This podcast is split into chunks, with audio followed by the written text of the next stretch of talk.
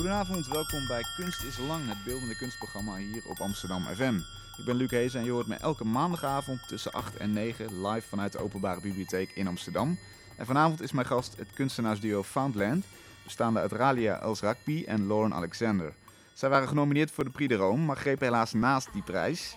Uh, wat ons betreft uh, zeer onterecht, maar uh, daar gaan we het zo over hebben. Ik praat komend uur met Ralia. Zij is geboren in Damascus, maar kwam hier zo'n 12 jaar geleden naartoe, naar Nederland dus. Inmiddels woont ze in Cairo, hè? En af en toe ook nog in Nederland vanwege tentoonstellingen en werk. Gelukkig. Ja. Daarom ben je hier ook. wil je nou tijdens het luisteren wat werk van Foundland zien? Ga dan naar mrmodby.nl. Amsterdam FM. Ja, Ralia, welkom de helft van het kunstenaarsduo, zei ik al. de andere helft uh, zit hier ook. Uh, Lauren, die zit op de eerste rang. We hebben afgesproken dat, dat jij het, uh, het woord doet. Het woord gaat voeren, ja. in het Nederlands ook, want dat, dat kun je goed. ja, ik ga mijn best proberen. Ja? Het is altijd een... Well, nou, ik vind Nederlands eigenlijk wel een mooie taal, maar blijft Engels eigenlijk wel makkelijker. Oké. Maar ik ga wel toch mijn best doen. Ja, dat doe je voor mij, hè? want mijn Engels is niet zo heel goed. Dus, ja, uh, dus ik, ik, ga jou gewoon helpen alvast, uh, oh. Even een makkelijke vraag om, om mee te beginnen. Syrië, hoe ziet dat er over twee jaar uit? moeilijke vraag. Nog heel moeilijk, denk ik. En, en, maar wat, wat, wat, hebben we dan? Hebben we dan nog steeds een strijdtoneel zoals nu? Ja, dat kan ik eigenlijk wel moeilijk over, iets over zeggen, omdat iedere week verandert iets. Dus ik kan niet echt iets zinnigs zeggen. Uh, maar ik denk, uh, het is wel de vraag altijd die wij, Syriër, uh, ons altijd vragen van uh, wanneer denken we dat we hierheen gaan, dat we weer terug kunnen gaan. Ja. En ik denk voor mij niet, niet voor um, nog vijf of zeven jaar, denk ik. Oké, dus dat, dat gaat echt nog lang duren. Ja. En dat zou je heel graag willen. Je zou meteen terug ja, gaan zodra het komt. Ja, ja, natuurlijk. Wat, wat ja. mis je nu? Uh, ja, het blijft gewoon uh, het land waar ik geboren ben. Ik heb wel gewoon heel veel uh, ja, mooie herinneringen en vertalen. Ik heb nog familieleden die daar wonen, dus ik zou zeggen gewoon ook vrienden. Dus eh, ja, dus het blijft gewoon een hele bijzondere plek. Ja. Ja. Inmiddels vertelde je ze net al voor de uitzending, je hebt ook de Nederlandse nationaliteit nu. Dus je hebt ja. beide nationaliteiten. Ja. Um, we gaan het even hebben over die Prix de Rome. Want dat is natuurlijk uh, de meest recente ontwikkeling uh, wat jullie werk betreft. Ja. Um, die is nog te zien, uh, die tentoonstelling die jullie daar maakten in de Appel dus, tot 17 januari. Um, jullie hebben helaas niet gewonnen. Is dat een teleurstelling? Ehm, nou, natuurlijk is het een teleurstelling. Je, je doet mee en je, je, hoopt dat je gaat winnen. Ja. Maar ik vind het, voor ons was het heel belangrijk dat wij meededen. Het was echt een, een honor. Uh, om gewoon uh, bij de finalisten te zijn en ook de mogelijkheden te, te krijgen om iets nieuws uh, neer te zetten in de appel. En samen met de andere kunstenaars. Dus gewoon, is, voor is ons is, is al. meedoen is belangrijker dan winnen, zeg je dat? Ehm, ja. Maar jullie balen wel. wel. toch, denk ik? Ja, natuurlijk. Je hebt gewoon altijd de droom om naar Rome te gaan, natuurlijk. Het is wel gewoon heel, heel leuk. Um, uh, ja, gewoon een, een prijs. Um, en ook het geld natuurlijk, omdat dat maakt het mogelijk dat jij... Uh, 40.000 ja, euro? Ja, dat je gewoon nog uh, um, toekomstige werk gaat maken. Het is gewoon, maak, maakt het gewoon makkelijker voor jou. Maar het is gewoon voor alle andere kunstenaars ook gegund. Dus dat, is, uh, dat zie je moet één winnaar zijn. En heeft ja. het iets opgeleverd, ook alleen de aandacht al en het, en het exposeren in de appel daar? Ja, ja, natuurlijk. Voor ons is altijd gewoon een, een winst als wij um, een nieuw werk kunnen neerzetten. Dus dat is sowieso voor ons een, een winst. Uh, ik vind het ook de plek uh, Amsterdam en de Appel is gewoon ook uh, heel bijzonder. Waarom? Ook, het is misschien ook, ja, misschien ook een goed publiek. Het is, het is goed instituut. Um, en, en wat is dan een goed publiek? Ja, dat is gewoon een goede vraag. Het is gewoon goed geïnformeerd publiek, misschien meer kritisch. En Mhm. daar heb je ook gewoon een kans om in aanraking te komen en, en ook gewoon meer over je werk uh, te horen en uh, te zien hoe jij eigenlijk uh, met ander publiek omgaat. Um, ja, dus het, is, het was gewoon echt een bijzonder, Oké. bijzondere ervaring. Dus, dus toch blij, in ieder geval dankbaar voor de nominatie. En, Ja, Maar natuurlijk. natuurlijk balen dat je net niet, net niet wint. Ja. Ehm, zoals ik al zei, onterecht wat ons betreft. Ehm, want eh, daar was te zien Failed Futures en Extended Borders. Ehm, misschien kun je zelf het beste even kort schetsen wat daar te zien was in die zaal. Eh, nou, het is gewoon een nieuwe installatie. Er zijn gewoon drie delen. Eentje is een animatiefilm. En eh, twee eigenlijk 3D-installatie. Eentje met ehm, eh, 3D geprint ehm, objecten. Ehm, en eentje met, ehm, die heet Extended Border met ehm, ehm, 2000, ho- eh, 2000 ehm, pingpongballen die ook ehm, eigenlijk gedrukt zijn. En ook een, een vloer Ja, die Dus- ook heel bijzonder is of heel belangrijk is in, eh, in dit verhaal. Ehm, want we misschien nog, nog even een beetje aanvullen. Eh, je komt eigenlijk de kamer in en je ziet een soort van grijze kamer.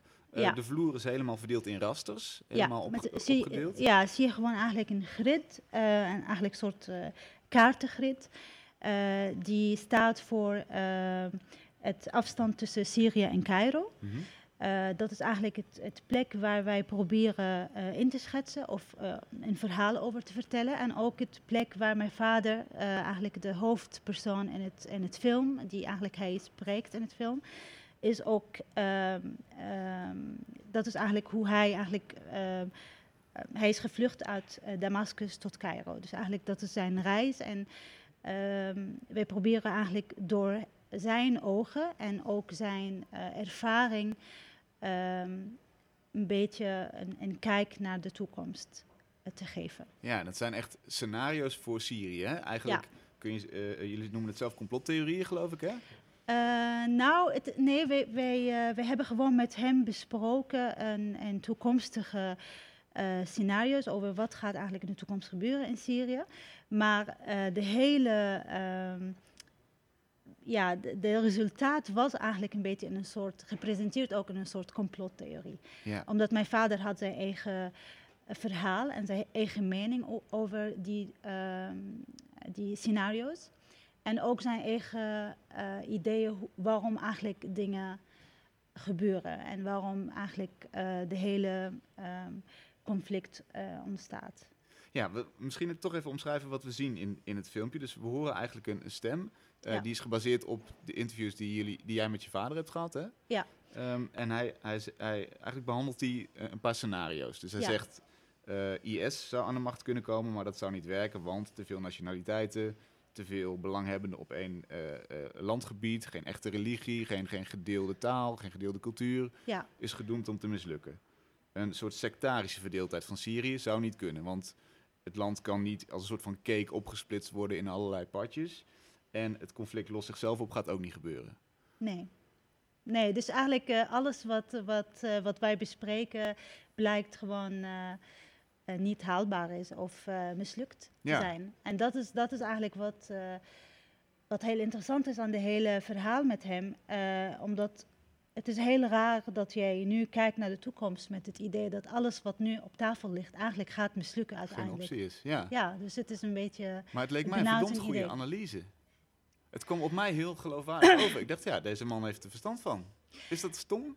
Eh, nee, maar eigenlijk dat is, dat is ook het idee van waarom eigenlijk complottheorieën naar, naar voren kwamen. Omdat ehm, eh, wij denken dat als mensen een beetje eh, niet, ehm, niet kunnen begrijpen wat aan de hand is, ehm, er zijn te veel informatie en alles blijkt een optie te zijn, dat de, hun manier om om te gaan met deze complexe situatie en ook het gevoel dat ze niet kunnen voorstellen wat gaat gebeuren, is dat ze hun eigen verhaal gaan maken. Ja. En dat is wat er gebeurt met mijn vader, dat hij eh, probeert een beetje een, een zin te krijgen, eh, of eh, ja, making sense, hè, of, of wat er eigenlijk gebeurt. En hij begint gewoon over dingen van het geschiedenis bij te halen en een beetje proberen alles in, in, in, in orde te zetten, omdat hij wil gewoon snappen wat aan de hand is. Ja, jullie, het staat ook heel mooi eh, in de film zelf. Hè? Dus, dus als je in, in de mist loopt, als het ware, om, eh, als de gebeurtenissen niet duidelijk zijn, als je eh, gaten hebt in wat je begrijpt, dan ga je dat zelf invullen. Dan maak je Ja. zelf een kloppend verhaal van. Ja, Ehm, inderdaad. maar maar is, is het dan onzin wat er in dat filmpje getoond wordt? Of, of... Want het, het klonk zo Ehm. goed, het klonk zo logisch op mij. Ja, maar dat is ook een beetje wat we hebben ook geprobeerd uh, neer te zetten. Dat jij een soort reactie ook op de, op de, op de media. Um, bijvoorbeeld, ja, dat heb ik ook met mijn vader, dat hij zit gewoon twee uh, kanalen, nieuwskanalen bijvoorbeeld, of een nieuwsberichting te zien. En uh, alle twee zijn tegenovergesteld van elkaar mm -hmm. als betekenis of voorspellingen.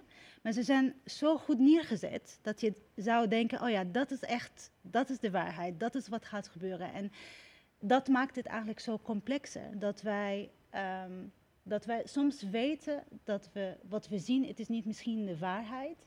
En er zijn zoveel verschillende waarheden, mm -hmm. uh, dat wij eigenlijk in de war zijn. En daarom gaan we ons eigen verhaal uh, neerzetten. Dus dat is eigenlijk een beetje hoe wij de keuze ook, we hebben ook de keuze gemaakt om niet mijn vader niet te zetten als um, een interview, maar wel um, een, een, filmpje te creëren waar hij uh, lijkt of hij ook zijn, um, zijn verhaal als een theorie neerzet. Ja. Niet als een, een interview, persoonlijk interview. Mm -hmm. Um, dat werkt dus, want, want, blijkbaar was het voor mij heel overtuigend. Eh, voordat ik in ieder geval de teksten las uh, die bij de tentoonstelling horen.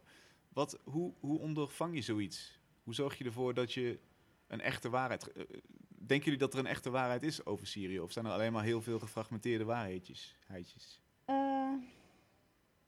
ja, dat, dat vind ik heel moeilijk. Het, het is niet, er, zijn, er is geen één waarheid. Nee. Dat weet je niet. En dat, um, en dat is het probleem, denk ik dat het, uh, wat voor ons heel belangrijk is, dat wij um, een soort. Uh, wat we doen, is dat we altijd naar de geschiedenis kijken. Mm -hmm. Omdat daar zijn gewoon uh, voor ons um, veel informatie en veel lessen te leren. En dat hebben we ook hier geprobeerd met de interviews met mijn vader. We hebben gekeken naar Syrië in 100 jaar. Dus wij zijn terug naar 1916. Um, om te kijken van oké, waarom, um, waarom eigenlijk hebben we deze uh, grenzen? Waarom zijn mensen zo, waarom is Syrië eigenlijk sectarisch uh, nu verdeeld? Het, het, is niet echt een verhaal van vijf jaar, het is een verhaal van honderd jaar. Yeah. En dan trek je gewoon bepaalde links naar het verleden, dan kun je gewoon ook misschien beter snappen of misschien beter de toekomst uh, voorspellen. En met al die research die, die jullie hebben gedaan en al het, het, kijken in dat verleden, wat, wat, voor mij is het helemaal oude niet open. Ik heb geen idee, maar wat, wat voorspellen jullie daarmee? Wat, wat, heb je, daar lessen uit? Um, ja, natuurlijk. Dat, um, en dat de lessen zijn dat wij uh, niet dezelfde fouten moeten weer uh, gaan doen. Mm. Dus ik denk nu, um, als je gewoon kijkt naar de Europese politiek en uh, hoe eigenlijk zij omgaan met een soort, ja, met, met ISIS. Mm. Um, ik denk dat het een beetje te emotioneel is. En ik denk dat mensen, of de politiek moet eigenlijk meer verantwoordelijkheid nemen. Um, in de zin van, oké, okay, laten we gewoon kijken hoe zoiets eigenlijk is, om, hoe ontstond zoiets? En hoe kunnen we het eigenlijk echt oplossen en niet escaleren. We moeten er zakelijker naar kijken en meer doelgericht ja. aanpakken, zeg jij? Ja, vind ik wel. Oké. Okay. Dus meer eigenlijk uh, verantwoordelijkheid nemen en niet alleen maar de schuld geven aan um, anderen de mm -hmm. hele tijd. Mhm. Mm -hmm. En ik vind uh, ja, dat eigenlijk misschien um, meer uh, transparantie moet komen of meer openheid over eigenlijk de betrokkenheid van Europa in steun van ISIS bijvoorbeeld. Um, of ook individuen, ik weet het niet. Maar er zijn wel misschien heel veel uh, belangrijker vragen die eigenlijk mensen moeten zich uh, afvragen dan alleen maar zeggen van we gaan eigenlijk Syrië bombarderen of we gaan meedoen. En. Het gevoel wat ik heel erg kreeg in de installatie was dat het eigenlijk een soort, soort loterij is daar. Hè? de pingpongballen die verwijzen geloof ik onder meer ergens anders naar, namelijk naar een soort Ja. van protestactie. Hè? Eh, eh, geweldloos protest in het begin van, van de, eh, de opstand tegen Assad. Ehm, waarin eigenlijk pingpongballen de straat over werden gegooid, eh, Ja. s'nachts, met, met, met boodschappen erop. Ja, het was wel eh, verboden om, eh, om alles wat met eh, protestmaterialen, ehm, eh, het was verboden om het te kopen. Dus je kunt gewoon geen eh, witte doek kopen of verf of eh, papier. Dus eigenlijk activisten gingen creatief met alles wat eigenlijk een, een, um, een politieke uh, notatie of, of een verhaal kan dragen. Ja. En, ja. En, en dat element wilden jullie er ook in stoppen? In deze installatie? Bedoel je de pingpongbal? Ja, ja ik vind, wij vonden het eigenlijk wel een symbolisch metafoor voor wat eigenlijk op dat moment was. En het was ook metaforisch dat jij uh, op dat moment, um, toen mensen gingen um, die pingpongballen vinden in Syrië, het was ook een beetje een soort, um, ja, soort een hoop. Of dat je denkt, oh wat creatief, wat, wat leuk, dat, dat toch eigenlijk zoiets kon, kon uh, in Syrië. En nu stond eigenlijk voor uh, die hoop die, die, die wij zien in die mensen die eigenlijk nu gevlucht zijn en naar hier komen. Dus het is ook een beetje dubbel. Ja. Dus die verhalen die nu op de pingpongbollen zijn, zijn uh, codes van, van locaties van vluchtelingen. Uh, die de zee eigenlijk um, tussen Turkije en, en ja, Griekenland oversteken. Ja. Maar ook ehm, midden in de weg tussen Duitsland en Hongarije, bijvoorbeeld, in een bos. Dus eigenlijk nu staat voor een individu. Ja, dus we, we hebben de, de, film, we hebben de bak met pingpongballen en we hebben eigenlijk de, de, re, de kleine reepjes land die, die door alle partijen bezet zijn. Hè? Ja. Uh, het gevoel wat mij heel erg uh, bekoopt toen ik daar rondliep is, is, dit is, een, dit is een soort van versnipperd land. En het is ook een soort van loterij wie, wie, wie hier de macht gaat krijgen en wat eruit gaat komen. Is dat, is dat het gevoel wat, wat er ook in zit? Als jullie erin hebben willen leggen, laat ik het zo zeggen? Um, ja, het is ook een beetje de, de, de 3D geprint uh, um, landjes zijn eigenlijk ook gebaseerd op, uh, op nieuwsbeelden, uh, die eigenlijk die, die kaarten die je altijd in de krant ziet. En um, ja, ik vond, het wel, ik vond het altijd wel echt heel fascinerend hoe je eigenlijk jouw land iedere keer ziet. En die blijft, of die, ja, de, de makers van zo'n kaart. Um, ze hebben de kaart gemaakt met het doel dat het echt super um, objectief is. Hè? Mm -hmm. dat, is de, dat is hoe eigenlijk nu zit, precies. Dat is de grens tussen, tussen de regime en, uh, en ISIS, of tussen de regime en de rebellen. Maar ja, hoe, hoe kun je eigenlijk zoiets in elkaar zetten? Het is gewoon juist heel echt objectief, omdat als je naar kranten in, uh, in, uh, in Rusland kijkt, dan zie je gewoon echt een hele andere soort grenstrekking. Dus het blijft eigenlijk, kaarten blijven eigenlijk wel echt heel subjectief. En ja, dus eigenlijk het was ook een beetje een soort, um, ja, een soort um, een, uh, um, kritiek op zo'n soort beelden eigenlijk. Ja. Ja. Een soort van valse zekerheid, een valse... Ja. ja. ja, dus ook een beetje... Het hoort ook bij die, bij die, die complottheorie. Het, blijkt, ja, het hoort ook bij het, het, het beeld van wat waar is. En als, het, als het zo uitziet, dan is het waar. Als niet, dan is het minder waar. Maar ja. het heeft eigenlijk niet, niks met wat waar is en wat niet waar. Over die verschillende versies gesproken. Je, je hebt uh, jouw vader als basis genomen voor het, voor het filmpje. Ja. Hij krijgt natuurlijk uh, vanuit Cairo van allerlei dingen te zien. Hoe, hoe krijgen wij dingen te zien hier, hier in Nederland? Hoe is onze pers? Ja, dat, dat, is, uh, dat is eigenlijk waarom wij op een gegeven moment hebben gekozen om naar, om naar de Midden-Oosten te gaan. We, onze eerste werk ehm, als Foundland was eigenlijk over deze positie. Dat je eigenlijk dingen ehm, eh, meemaakt vanuit um, het Westen, mm -hmm. eigenlijk van achter het scherm. Van want, achter want wat gaat er mis hier?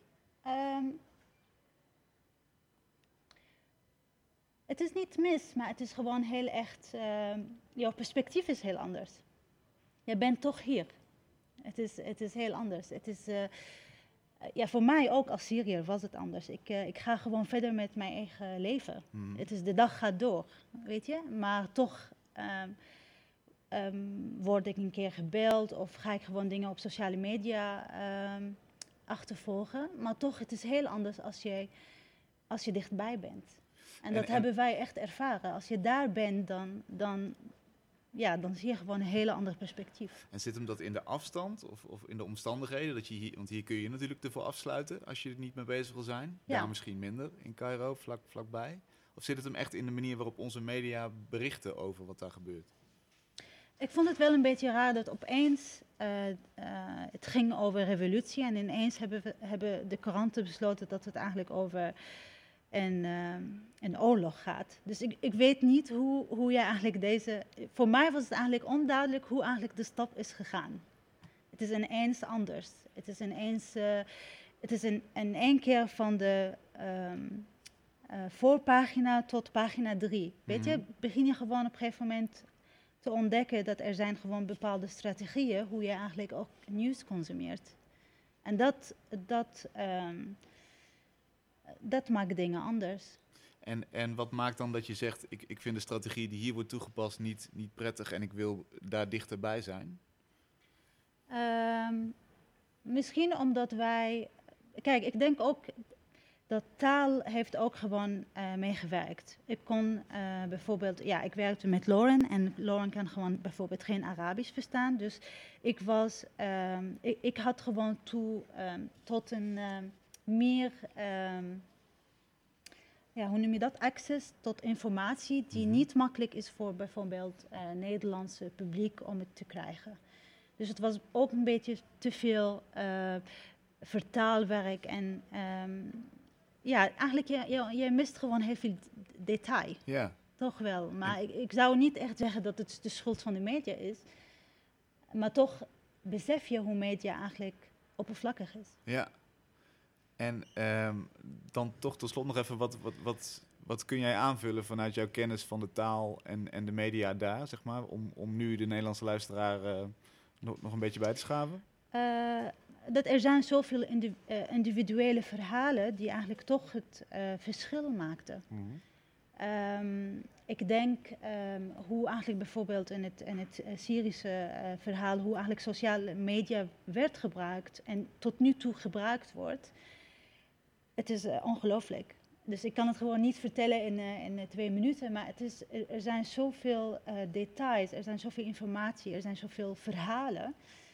Ehm, ja, daar kun je gewoon eigenlijk niet. ehm, ja, dat maakt het voor ons wel heel belangrijk dat we verder gaan met deze onderzoek. Ja. Ja. En, en dat zijn logischwijs dingen waar jij eerder toegang toe hebt dan de doorsnee journalisten die hier aan het werk zijn. Ehm, ja, ik denk dat jij. eh, maar er zijn wel eh, toch mogelijkheden om meer te weten. Maar daar moet je gewoon ook eh, jouw best voor doen. Ja. Maar de informatie ligt daar. De informatie is er, maar je moet het grijpen. Ja. Oké. We gaan even luisteren naar muziek, want eh, ehm, jij hebt iets meegenomen. Ja.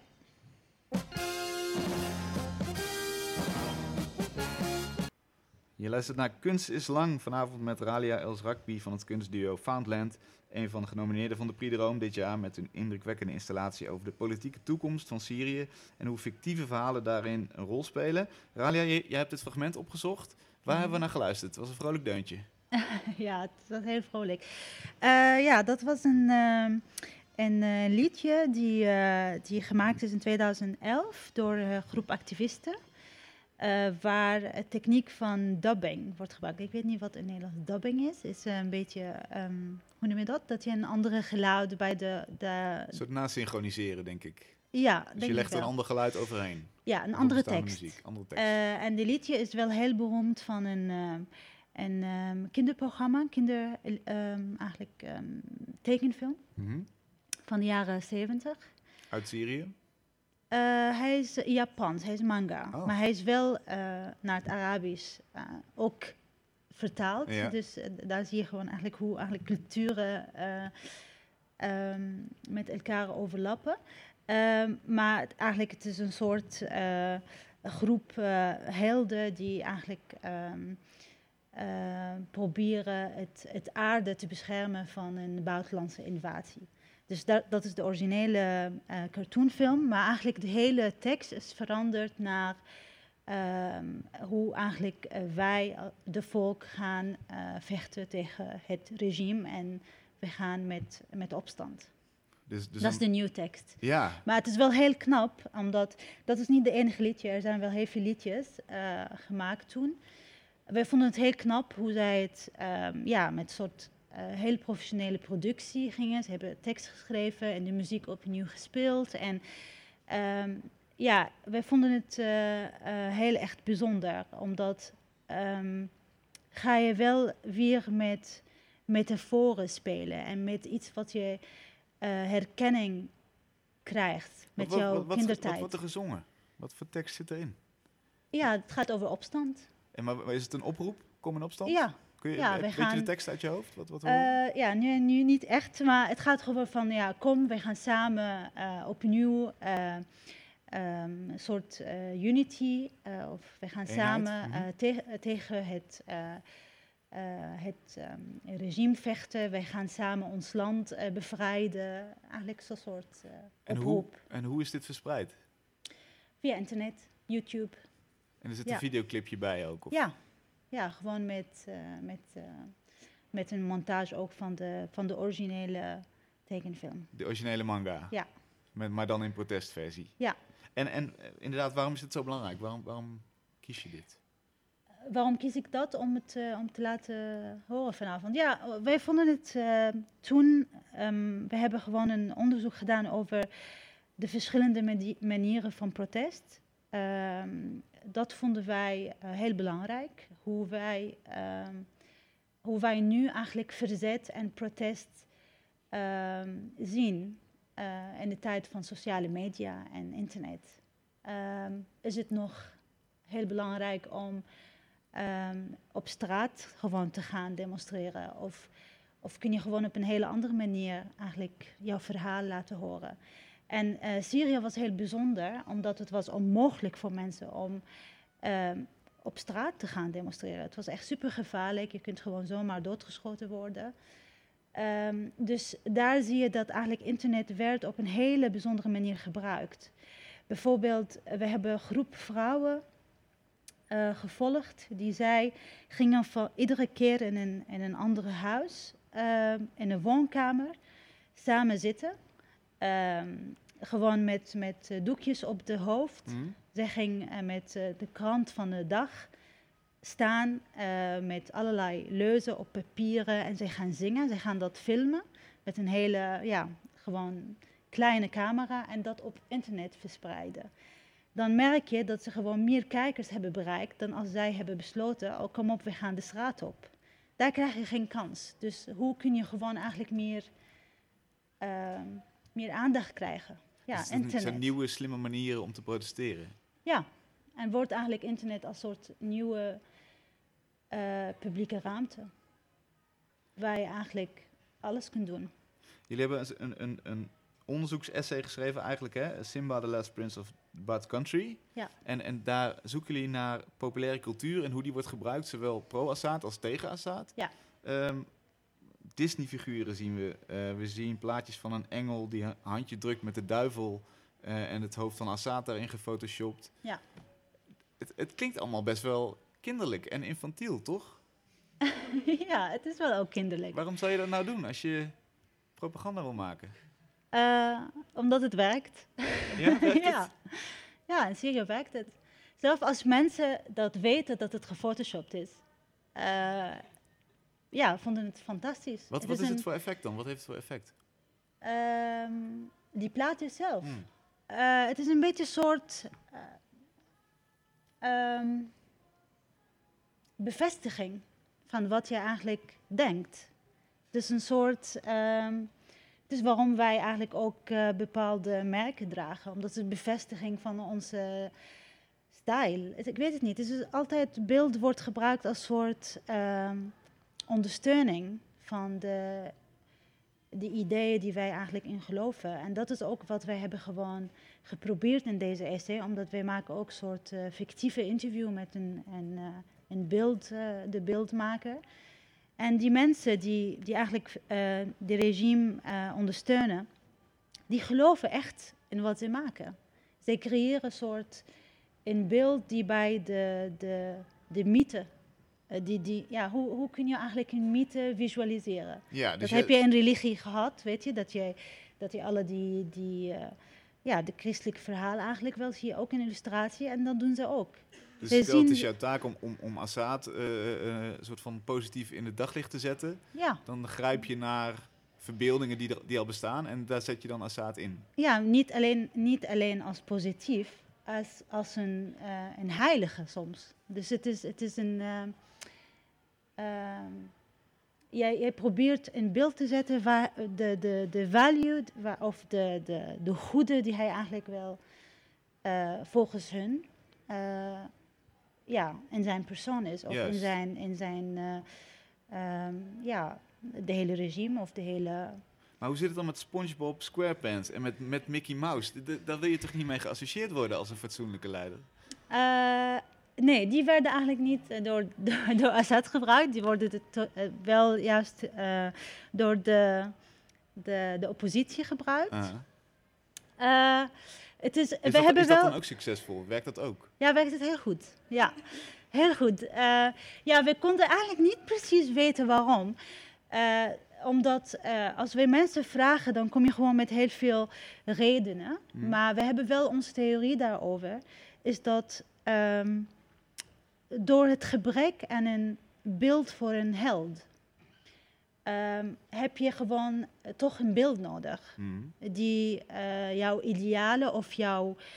Um, wat je wil of ja, het, het, het hoop uh, wil dragen. En dan heb je geen echt een beeld voor een leider, een echte leider ergens. Dan ga je beelden gebruiken voor um, eh, die jij kent of die jij een bepaalde uh, nostalgische gevoel bij hebt. Ja. En daar hebben we gewoon heel veel Syriër denken, denk ik, um, met, met, met cartoon characters.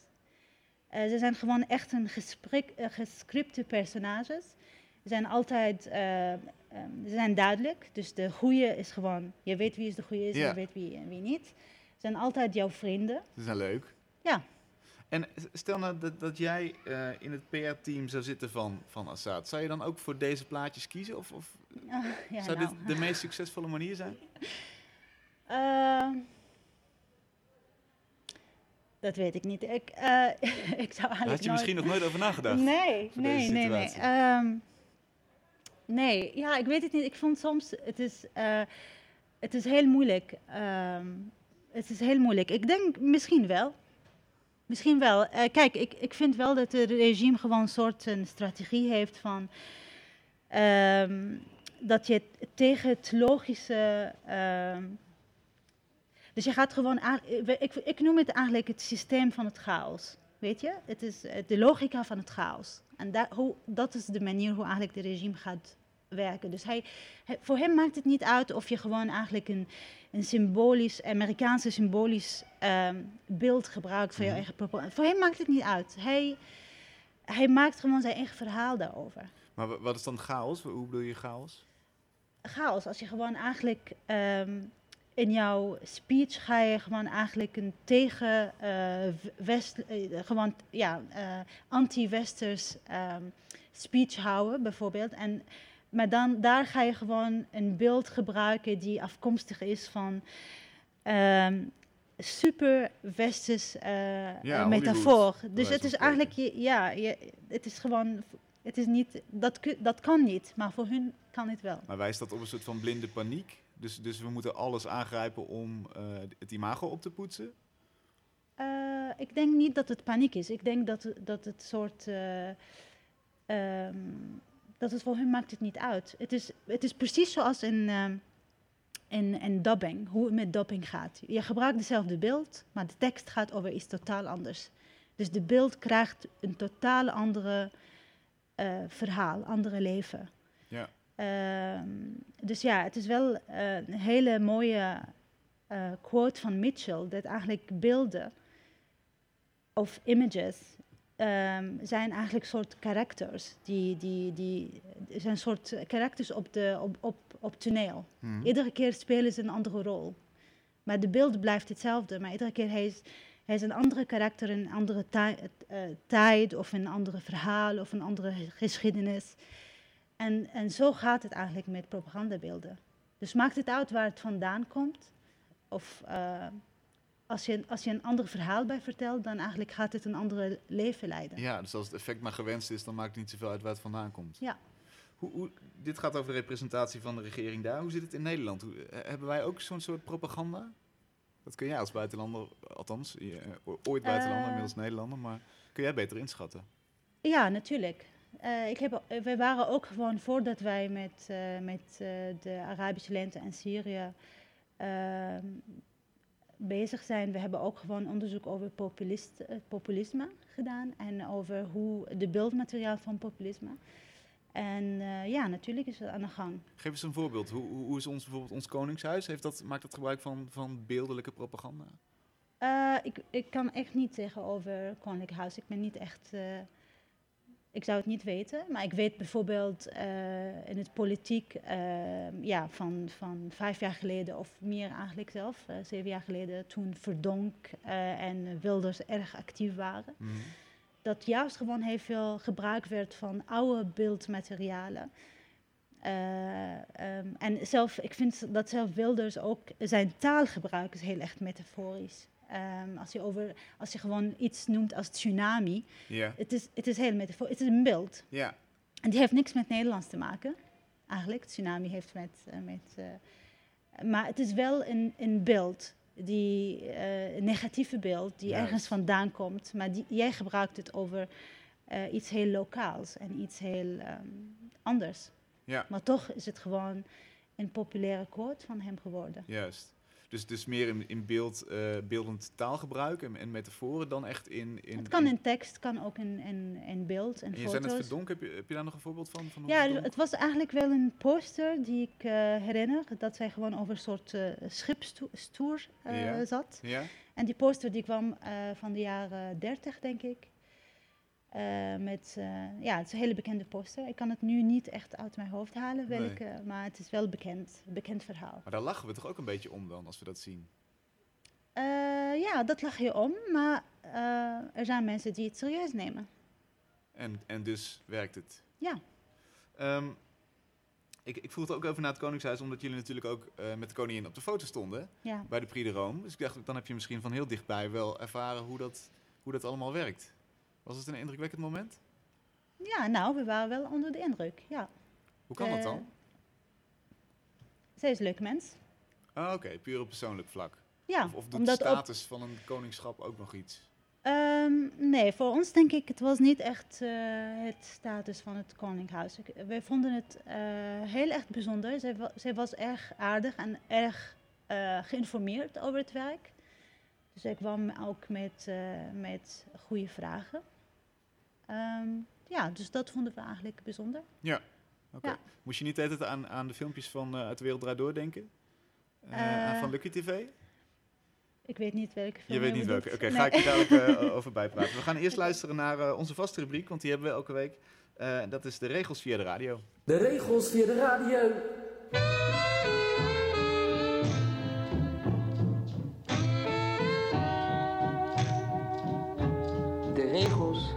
Radiowerk. 6.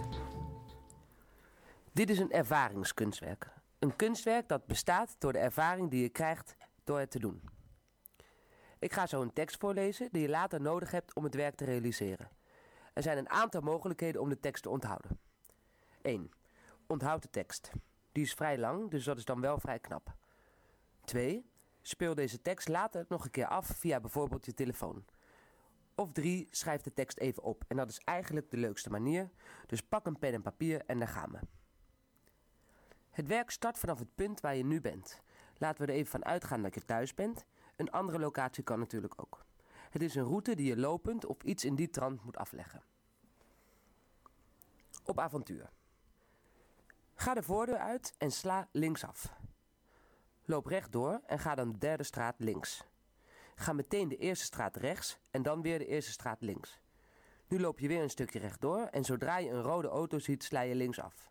Zijn er geen auto's of kom je er geen tegen, dan ga je de derde straat links. Ga in deze straat aan de linkerkant lopen. Kom je een hond tegen of iemand met een hond, ga dan aan de andere kant van de straat lopen. Ga de tweede straat rechts. Naar de elfde lantaarnpaal of straatverlichting ga je de eerste straat links. Je bent nu lekker op weg. Tel alle mensen die je in deze straat tegenkomt. Nadat je 17 mensen hebt geteld, sla je linksaf. Loop aan de rechterkant van de straat en als je een hond tegenkomt, ga je weer aan de andere kant van de straat lopen. Begin te tellen. Dat kan hardop, maar dat mag ook in jezelf. Tel tot 99 en sla dan de eerste straat die je tegenkomt in. Als het een T-splitsing of doodlopende weg betreft, maak dan de kortste bocht. Loop je aan de linkerkant van de weg, ga je links. Loop je aan de rechterkant van de weg, dan ga je rechts. Sla drie keer achter elkaar de eerste straat links af. Nu wandel je weer een beetje verder. Wissel na 50 stappen van kant van de weg en na nog 50 stappen blijf je even stilstaan en kijk je om je heen. Kijk ook naar boven, opzij en naar beneden. Als je denkt dat je alles gezien hebt, wandel je door en neem je de tweede straat rechts. In deze straat bel je aan op het eerste nummer dat je tegenkomt met een vijver in. Leg uit dat je op avontuur bent en vraag of de persoon iets te drinken voor je heeft. Als je daar geen zin in hebt, wat natuurlijk kan, dan doe je dat lekker niet en kijk je bij dat huis naar binnen. Daarna loop je weer langzaam terug naar je huis.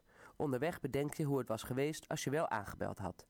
Wat je dan te drinken had gekregen.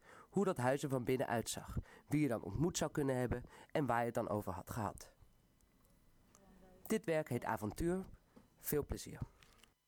Ja, aan toe zijn. Welkom terug bij Kunst is Lang, het wekelijkse interviewprogramma over hedendaagse beeldende kunst. In samenwerking met online tijdschrift Mr. Motley. Het fragment dat je net hoorde is gemaakt door Amsterdamse kunstenaars. Heb je meegedaan? Mail dan een foto van je werk naar heske.mrmotley.nl en bewaar het werk ook goed, dan komt het nog in een tentoonstelling, mogelijkerwijs. Ehm, ik praat vanavond met Ralia Elsrakpi van het kunstduo Foundland. Ehm, waar ben je nu mee bezig? Want jullie zijn met een hele nieuwe, heel nieuw werk bezig. Ja, we zijn altijd nieuw werk. Nee, eh, we zijn sinds de afgelopen zomer eh, met eh, een onderzoek in, de Verenigde Staten aan het doen. En het Smithsonian Institute, de, de, ehm, de archief. We hebben eigenlijk een hele bijzondere ehm, eh, toestemming gekregen om bepaalde collectie te bekijken en ook een, ver- ja, een, een werk over te maken of een verhaal over te schrijven. Dus daar zijn we eigenlijk mee bezig. Wat zit er in die collectie? Wat is, Eh, zo het is eigenlijk de enige collectie die, ehm, die, die eh, vertelt over de, eh, de Arab Americans. Eigenlijk alle, ehm, eh, alle mensen die uit, eh, alle immigranten uit de Arabische wereld die naar de Verenigde Staten zijn eh, geëmigreerd. Oké. Ja. En eh, is dat in het in een ver verleden of is dat tot op de dag van vandaag? Eh, eigenlijk, we zijn eh, bezig met, eh, met het, het tijd die eigenlijk van het vorige eeuw tot jaar, ja, eind jaren 60 eigenlijk. Omdat dat was de moment uh, die uh, een belangrijke mevrouw, die heet Alexia Naf, ze heeft besloten om het, um, het archief in elkaar te zetten. Uh, ze heeft uh, ja, een heel mooie initiatief genomen. Ze heeft een auto gekocht en uh, rondgereisd door de Verenigde Staten en afspraken gemaakt met alle die families. Ehm, gesprekken gevoerd, heel veel interviews en heel veel ook objecten en documenten verzameld. En ik denk dat het in de jaren tachtig is aan de Smithsonian uh, gegeven door de NAF-familie. Eigenlijk, de, ik denk de, de, de, zoon en de dochter van Alexia NAF zelf. En, en waarom is dat voor jullie interessant? Waarom graven jullie daarin? Um, Eigenlijk, we waren uh, na ons bezoek uh, naar Cairo, we waren echt bezig met het, uh, het, het, volgen van, van de vluchtelingen en van het, um, um, mensen die displaced waren, mm. gewoon van een plek naar een andere plek. Wat ze echt precies ervaren. En we kwamen met, we gingen ook in de zomer op residency in New York. En wij kwamen uh, op een hele bijzondere verhaal dat in Manhattan tot de jaren 40 er was een buurt die heet Little Syria. Mm -hmm. Waar eigenlijk veel Arabische immigranten hebben gewoond. en nu staat er niks van deze buurt. Het, is, het was echt een super grote buurt en het, het is precies eigenlijk waar nu, um, waar was ook de, um, uh, de, de Ground Zero eigenlijk nu okay, bestaat. Twin Dus het is een heel, heel echt bijzondere en geladen plek. Daar, daar, was een soort Little Italy, maar dan... Little Syria, ja. Ja, Syrisch. Ja. Um, en eigenlijk Syrië in, deze, in, in dat tijd was eigenlijk de, de Levant. Dus eigenlijk Libanon, Palestina, Syrië en Jordanië. En ook Irak. Dus alle mensen die uit deze regio uh, emigreren naar Amerika. Dat was eigenlijk hun eerste stap. Eh, dus ja, we waren natuurlijk heel echt geïnteresseerd. Van we willen weten, meer verhalen weten. En wij kwamen terecht bij deze collectie en wij hebben besloten om het, eh, om het gewoon een onderzoek over te doen. We willen weten wat eigenlijk, hoe eigenlijk op dat, eh, eh, hoe, hoe eigenlijk soort, wat is de, de, ja, de contribution de, van deze immigranten eigenlijk naar de Amerikaanse samenleving. Wat hebben ze precies gedaan? We hebben eigenlijk fantastische verhalen ontdekt. We hebben ontdekt dat er, er waren eh, eigenlijk de eerste Arabische klanten in het eh, Arabisch en Engels. Dus eigenlijk eh, bilingual Mhm. kranten en magazines. en ehm, eh, kunst, ehm, kunstmagazine, die eigenlijk 100 jaar geleden begonnen. Dus het was eigenlijk een hele soort treasure. En voor mij als iemand die uit het Midden-Oosten kwam, ik wist er eigenlijk niks van. Ik vond het echt super jammer. En, Je wist niet dat het in Amerika was. Dat, ja, dat die migratiestroom ja, maar de, de, ook de collectie is, is ook ehm, niet, ehm, niet echt openbaar, omdat er is weinig eh, interesse in. Dus En, wij en jij dachten, kijkt daar natuurlijk nu naar met, met eh, de link naar wat er nu gebeurt. ja, dat was eigenlijk ook eh, onze ervaring in, in deze archief. Heeft ook, ehm, het was eigenlijk de aanleiding tot deze installatie die je nu in de appel ziet. Ah, oké. eh, soort. ehm, we hebben eh, een, ehm, een, een brief gevonden van eh, een vriend, eh, eh, eh, eigenlijk.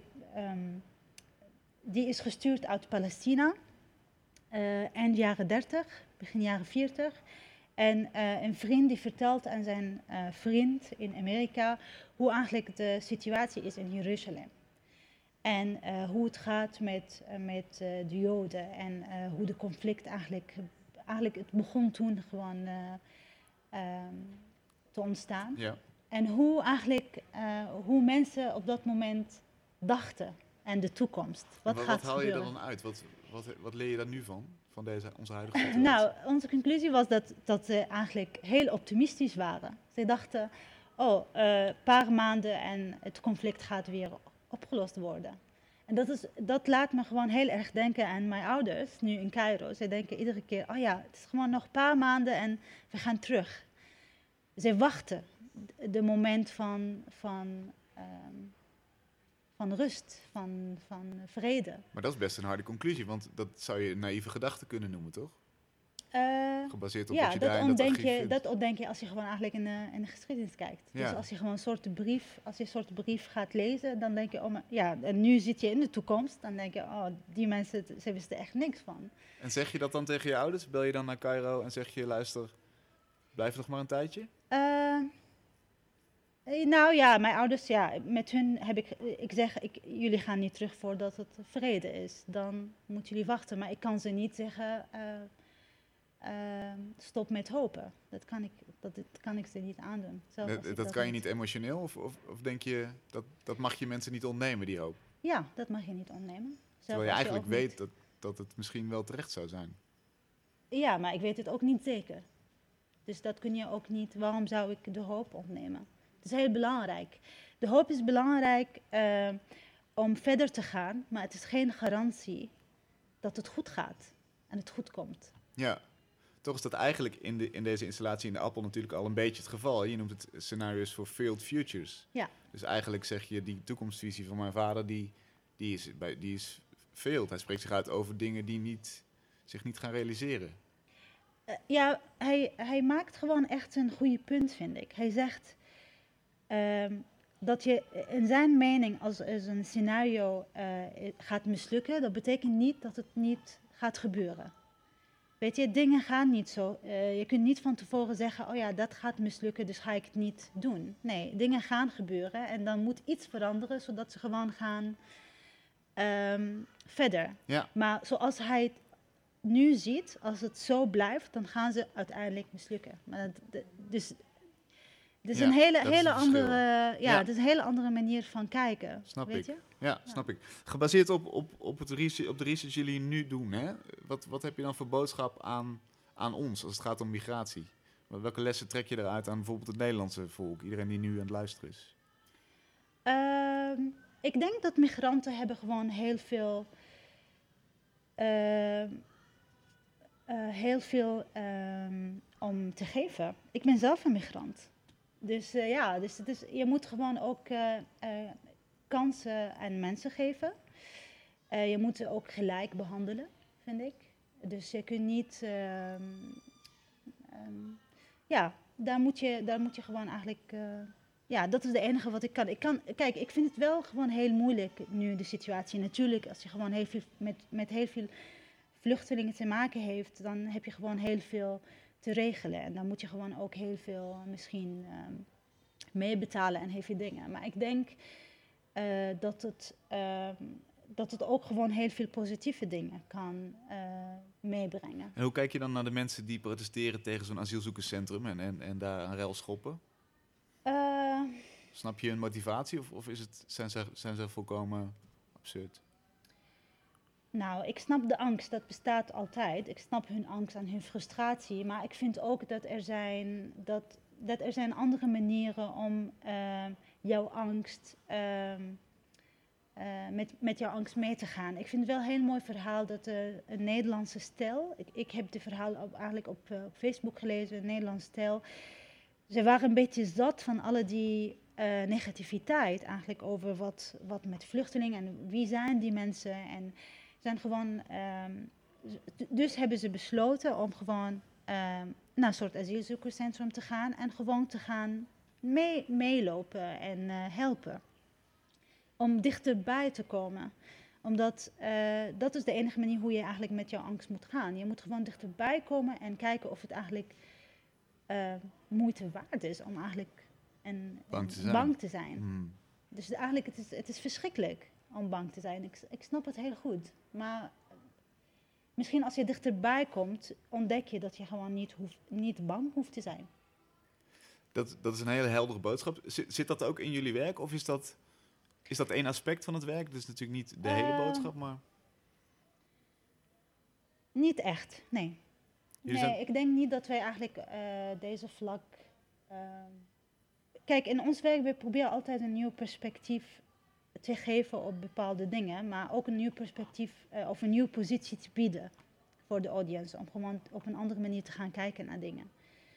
Maar eh, ehm, we zijn op dit moment niet bezig met het eh, vluchtelingenverhaal, denk ik. In die zin van hoe zij eigenlijk hier. Ja, niet op een politieke directe manier. nee. Maar natuurlijk wel als thema Ja, wat doorklinkt in het werk. Ja. Hoewel ik ook moet zeggen dat ik vond de tentoonstelling in de Appel ook een soort zakelijkheid hebben. Een, een, een, een, afstand. mhm. Eh, Is dat niet moeilijk voor jou persoonlijk? Eh, om die afstand te nemen, Ja. bedoel je? Zou je niet liever eh, een soort van betoog willen houden? Nee, het is wel bewust om die afstand te nemen.